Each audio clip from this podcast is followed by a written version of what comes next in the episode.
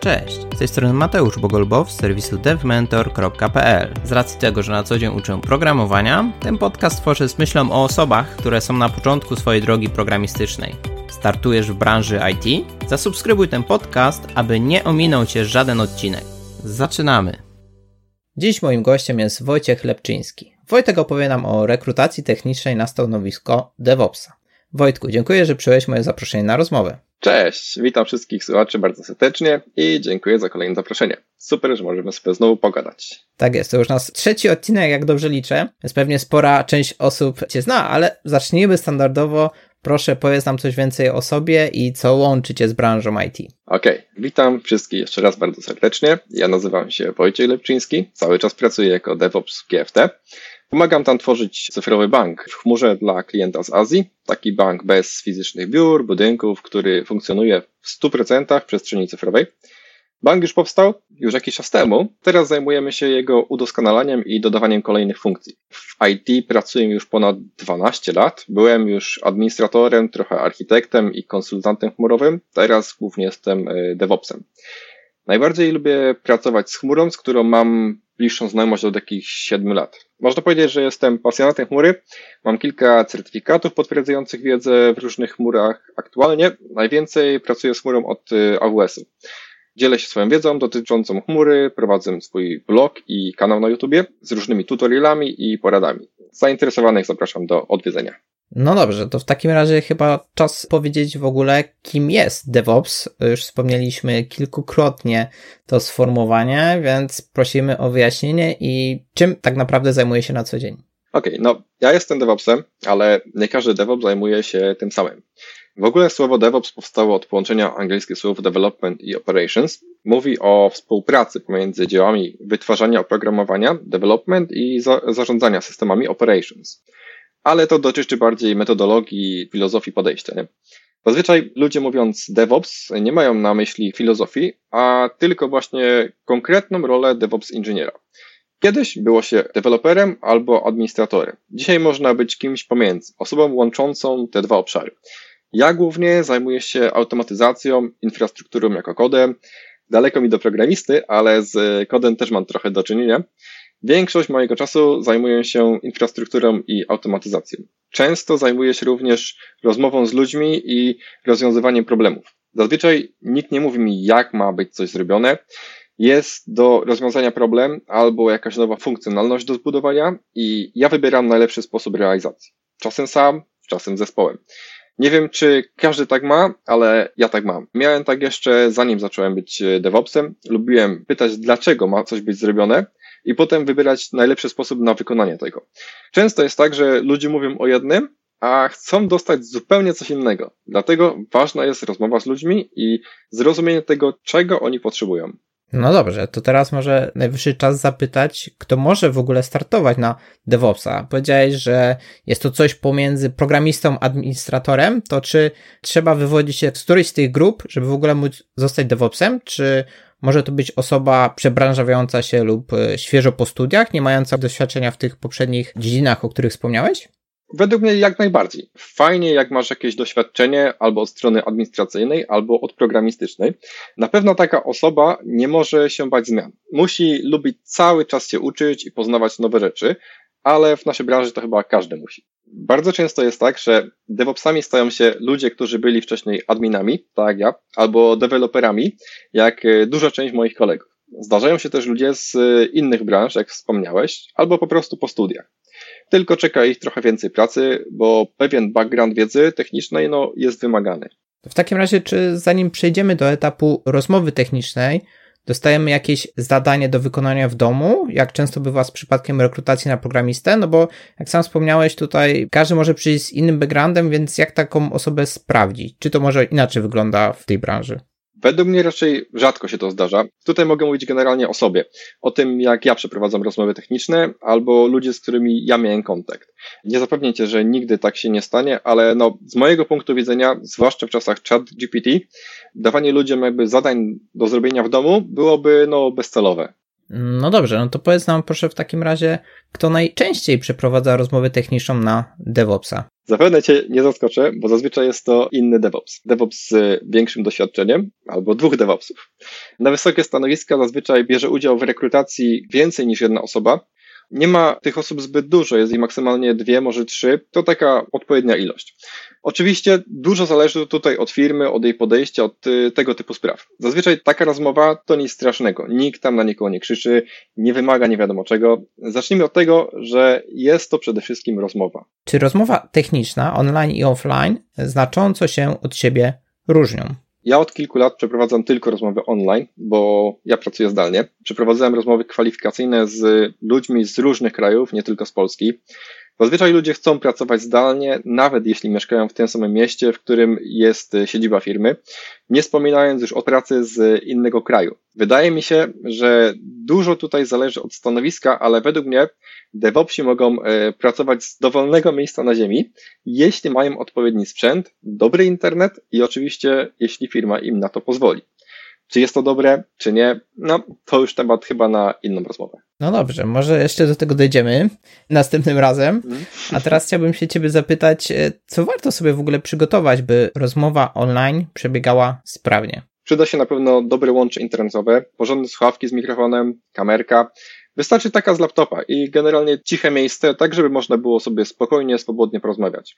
Przyda się jeszcze szklanka wody albo coś do picia. Się śmiejesz, ale jak się dużo mówi, to czasem zaschnie w gardle, więc fajnie mieć coś do picia. No i taki mały trik jeszcze, jak chcesz się dłużej zastanowić nad odpowiedzią na jakimś pytaniem, to możesz to zrobić właśnie podczas picia wody. to może jeszcze taka szklanka ze słomką, żeby dłużej schodziło.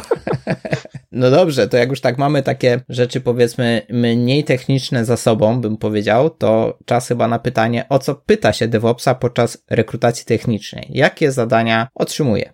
Tutaj dużo zależy od tego, czy ktoś chce być juniorem, midem czy seniorem. Znaczy, podstawy każdy powinien znać, jednak dla mnie rozmowa kwalifikacyjna o pracę to przede wszystkim rozmowa, a nie test. Ja na początku zaczynam jakimś small talkiem, ja mówię kilka słów o sobie i proszę kandydata, żeby też powiedział kilka słów o sobie. Gdzie pracował wcześniej, nad jakimi projektami, czym się zajmował, jak duże ma doświadczenie, no i tym podobne. Potem przechodzę do konkretów, czyli do tego, po co tu przyszliście. Zazwyczaj rekruterzy techniczni zadają dwa typy pytań. Pierwszy, w którym ty o czymś opowiadasz. Na przykład, powiedz, co to jest kontener registry. A ty odpowiadasz, że kontener registry to miejsce do przechowywania obrazów kontenerów i tak dalej, i tak dalej. No i drugi typ pytań, w którym rekruter pyta się, jak rozwiązać jakiś problem.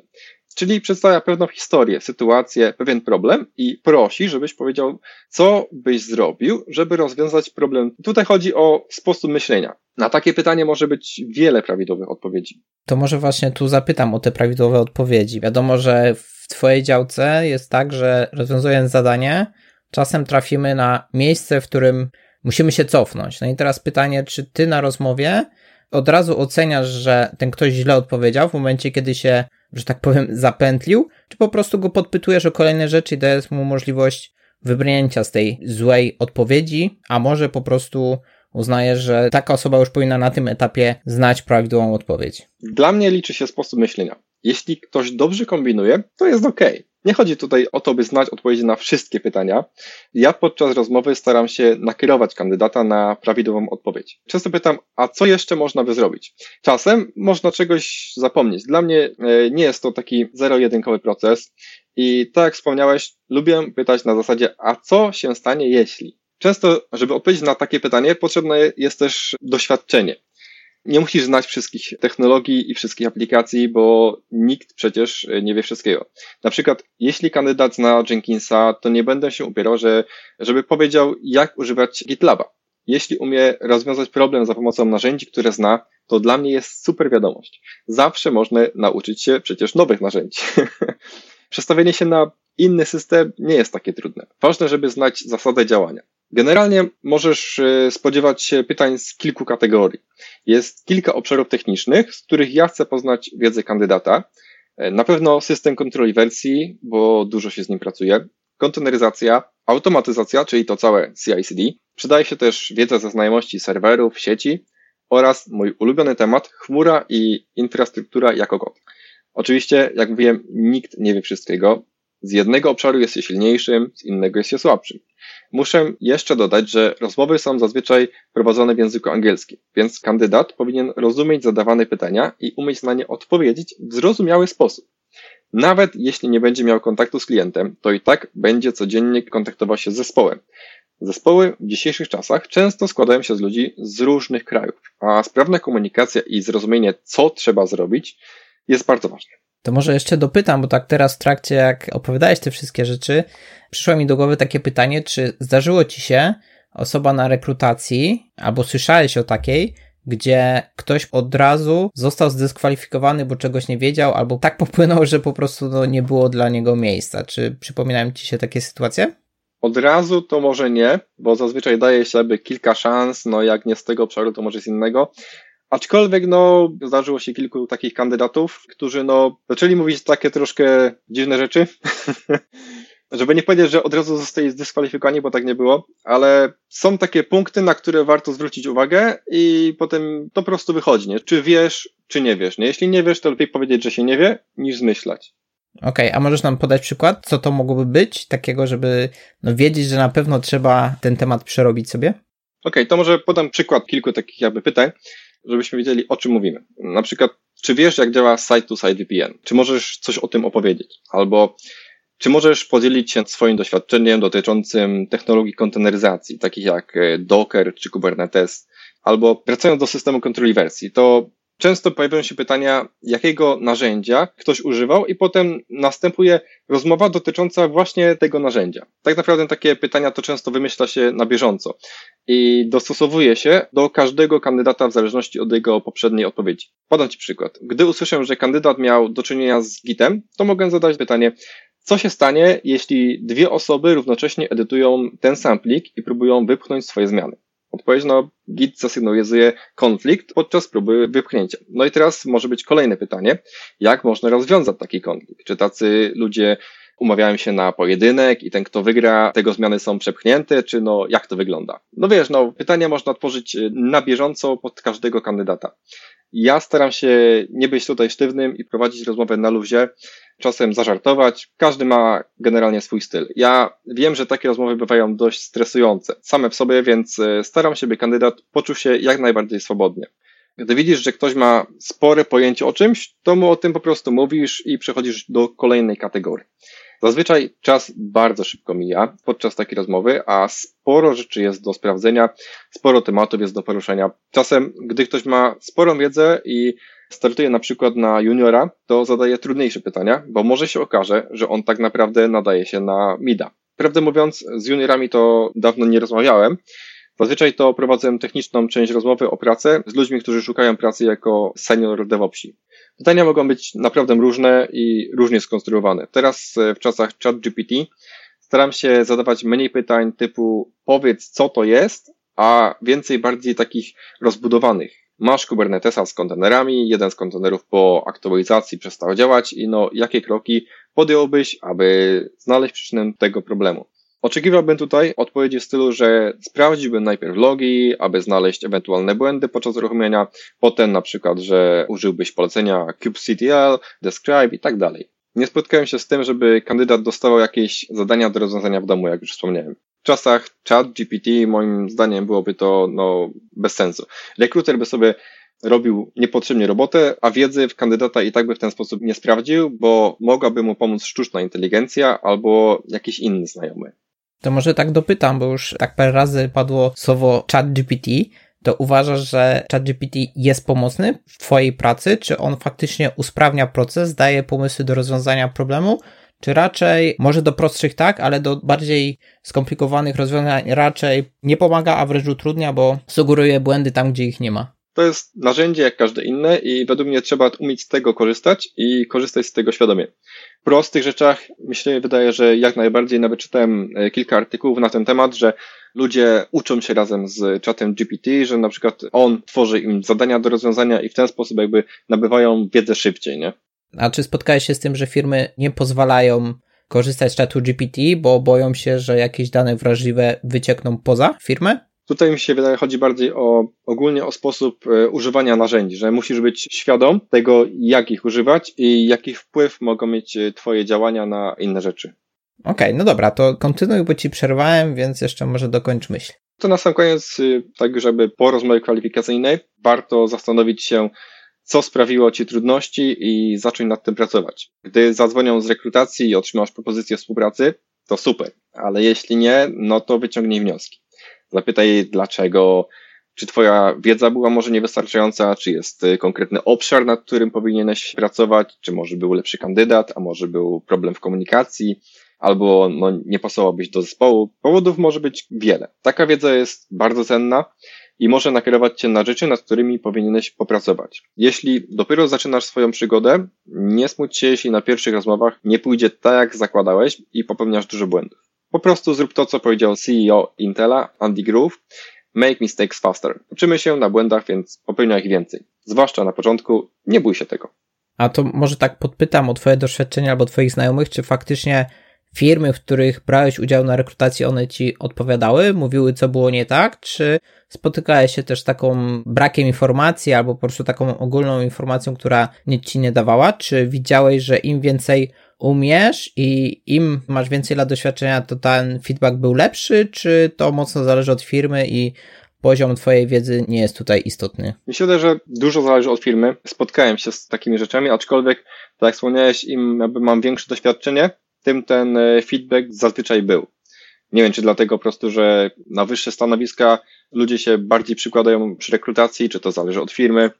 No ja muszę powiedzieć, że ja nie zawsze otrzymywałem feedback, gdy byłem na takiej rozmowie jako kandydat. Okej, okay. to już tak na koniec w zasadzie, jaką książkę polecisz osobie, która chce skutecznie przejść rozmowę techniczną na stanowisko DevOpsa? Może jakąś książkę o rozmowach o pracę? Nie wiem, nie znam takich książek. Według mnie warto zainwestować w jakieś kursy, w wiedzę, w doświadczenie. Tak jak wspomniałem wcześniej, dobrze jest popełniać błędy, żeby szybciej się uczyć. Ja też je popełniam, czasem o czymś zapominam. Wszyscy jesteśmy tylko ludźmi. Dla mnie nie jest to istotne, żebyś e, znał regułki i wszystko wiedział, tylko na przykład wiedział, gdzie możesz to znaleźć. Trzeba być generalnie zaradnym i oczywiście cały czas się uczyć. Jeśli nie będziesz wiedział o istnieniu nowych funkcjonalności, to na pewno ich e, nie użyjesz. No, warto być na bieżąco. No dobrze, to tak na koniec, gdzie możemy Cię Wojtku znaleźć w sieci? Jeżeli ktoś by chciał podpytać, jak zacząć albo jak dobrze wypaść na rekrutacji, to gdzie możecie znaleźć? Łatwo mnie znajdziecie w social mediach, na przykład na LinkedInie po wpisaniu Wojciech Lepczyński. Powinienem być na jednej z pierwszych pozycji. Mogę zaprosić na mój kanał na YouTubie. Tam nazwa kanału to uwaga Wojciech Lepczyński, bez polskich znaków. Jak ktoś interesuje się chmurą, to zapraszam. Wrzucam tam e, porady, tutoriale dotyczące chmury. Aktualnie skupiam się bardziej na AWS-ie, ale o Azurze też coś kiedyś e, dodawałem. No i oczywiście zachęcam do odwiedzenia mojego bloga, głównie o chmurach, ale kilka porad o Kubernetesie, Terraformie też powinniście tam znaleźć. No i tu Was zaskoczę, wystarczy pisać tylko Lepczyński IT blog, jak coś jest po polsku i po angielsku. Wojtku, super. Bardzo Ci dziękuję za ten y, dzisiejszy odcinek i przekazanie nam swojej wiedzy. Zapraszamy na, do Wojtka, jeżeli jesteście zainteresowani tematem. I mam nadzieję, że to nasz nie ostatni raz. Dzięki za zaproszenie i za rozmowę. Pozdrawiam wszystkich słuchaczy, którzy wytrwali do końca. Jeszcze raz dzięki za rozmowę. Jeśli będziesz chciał jeszcze kiedyś pogadać, wiesz gdzie mnie znaleźć. Pozdrawiam, pa. Dzięki, hej.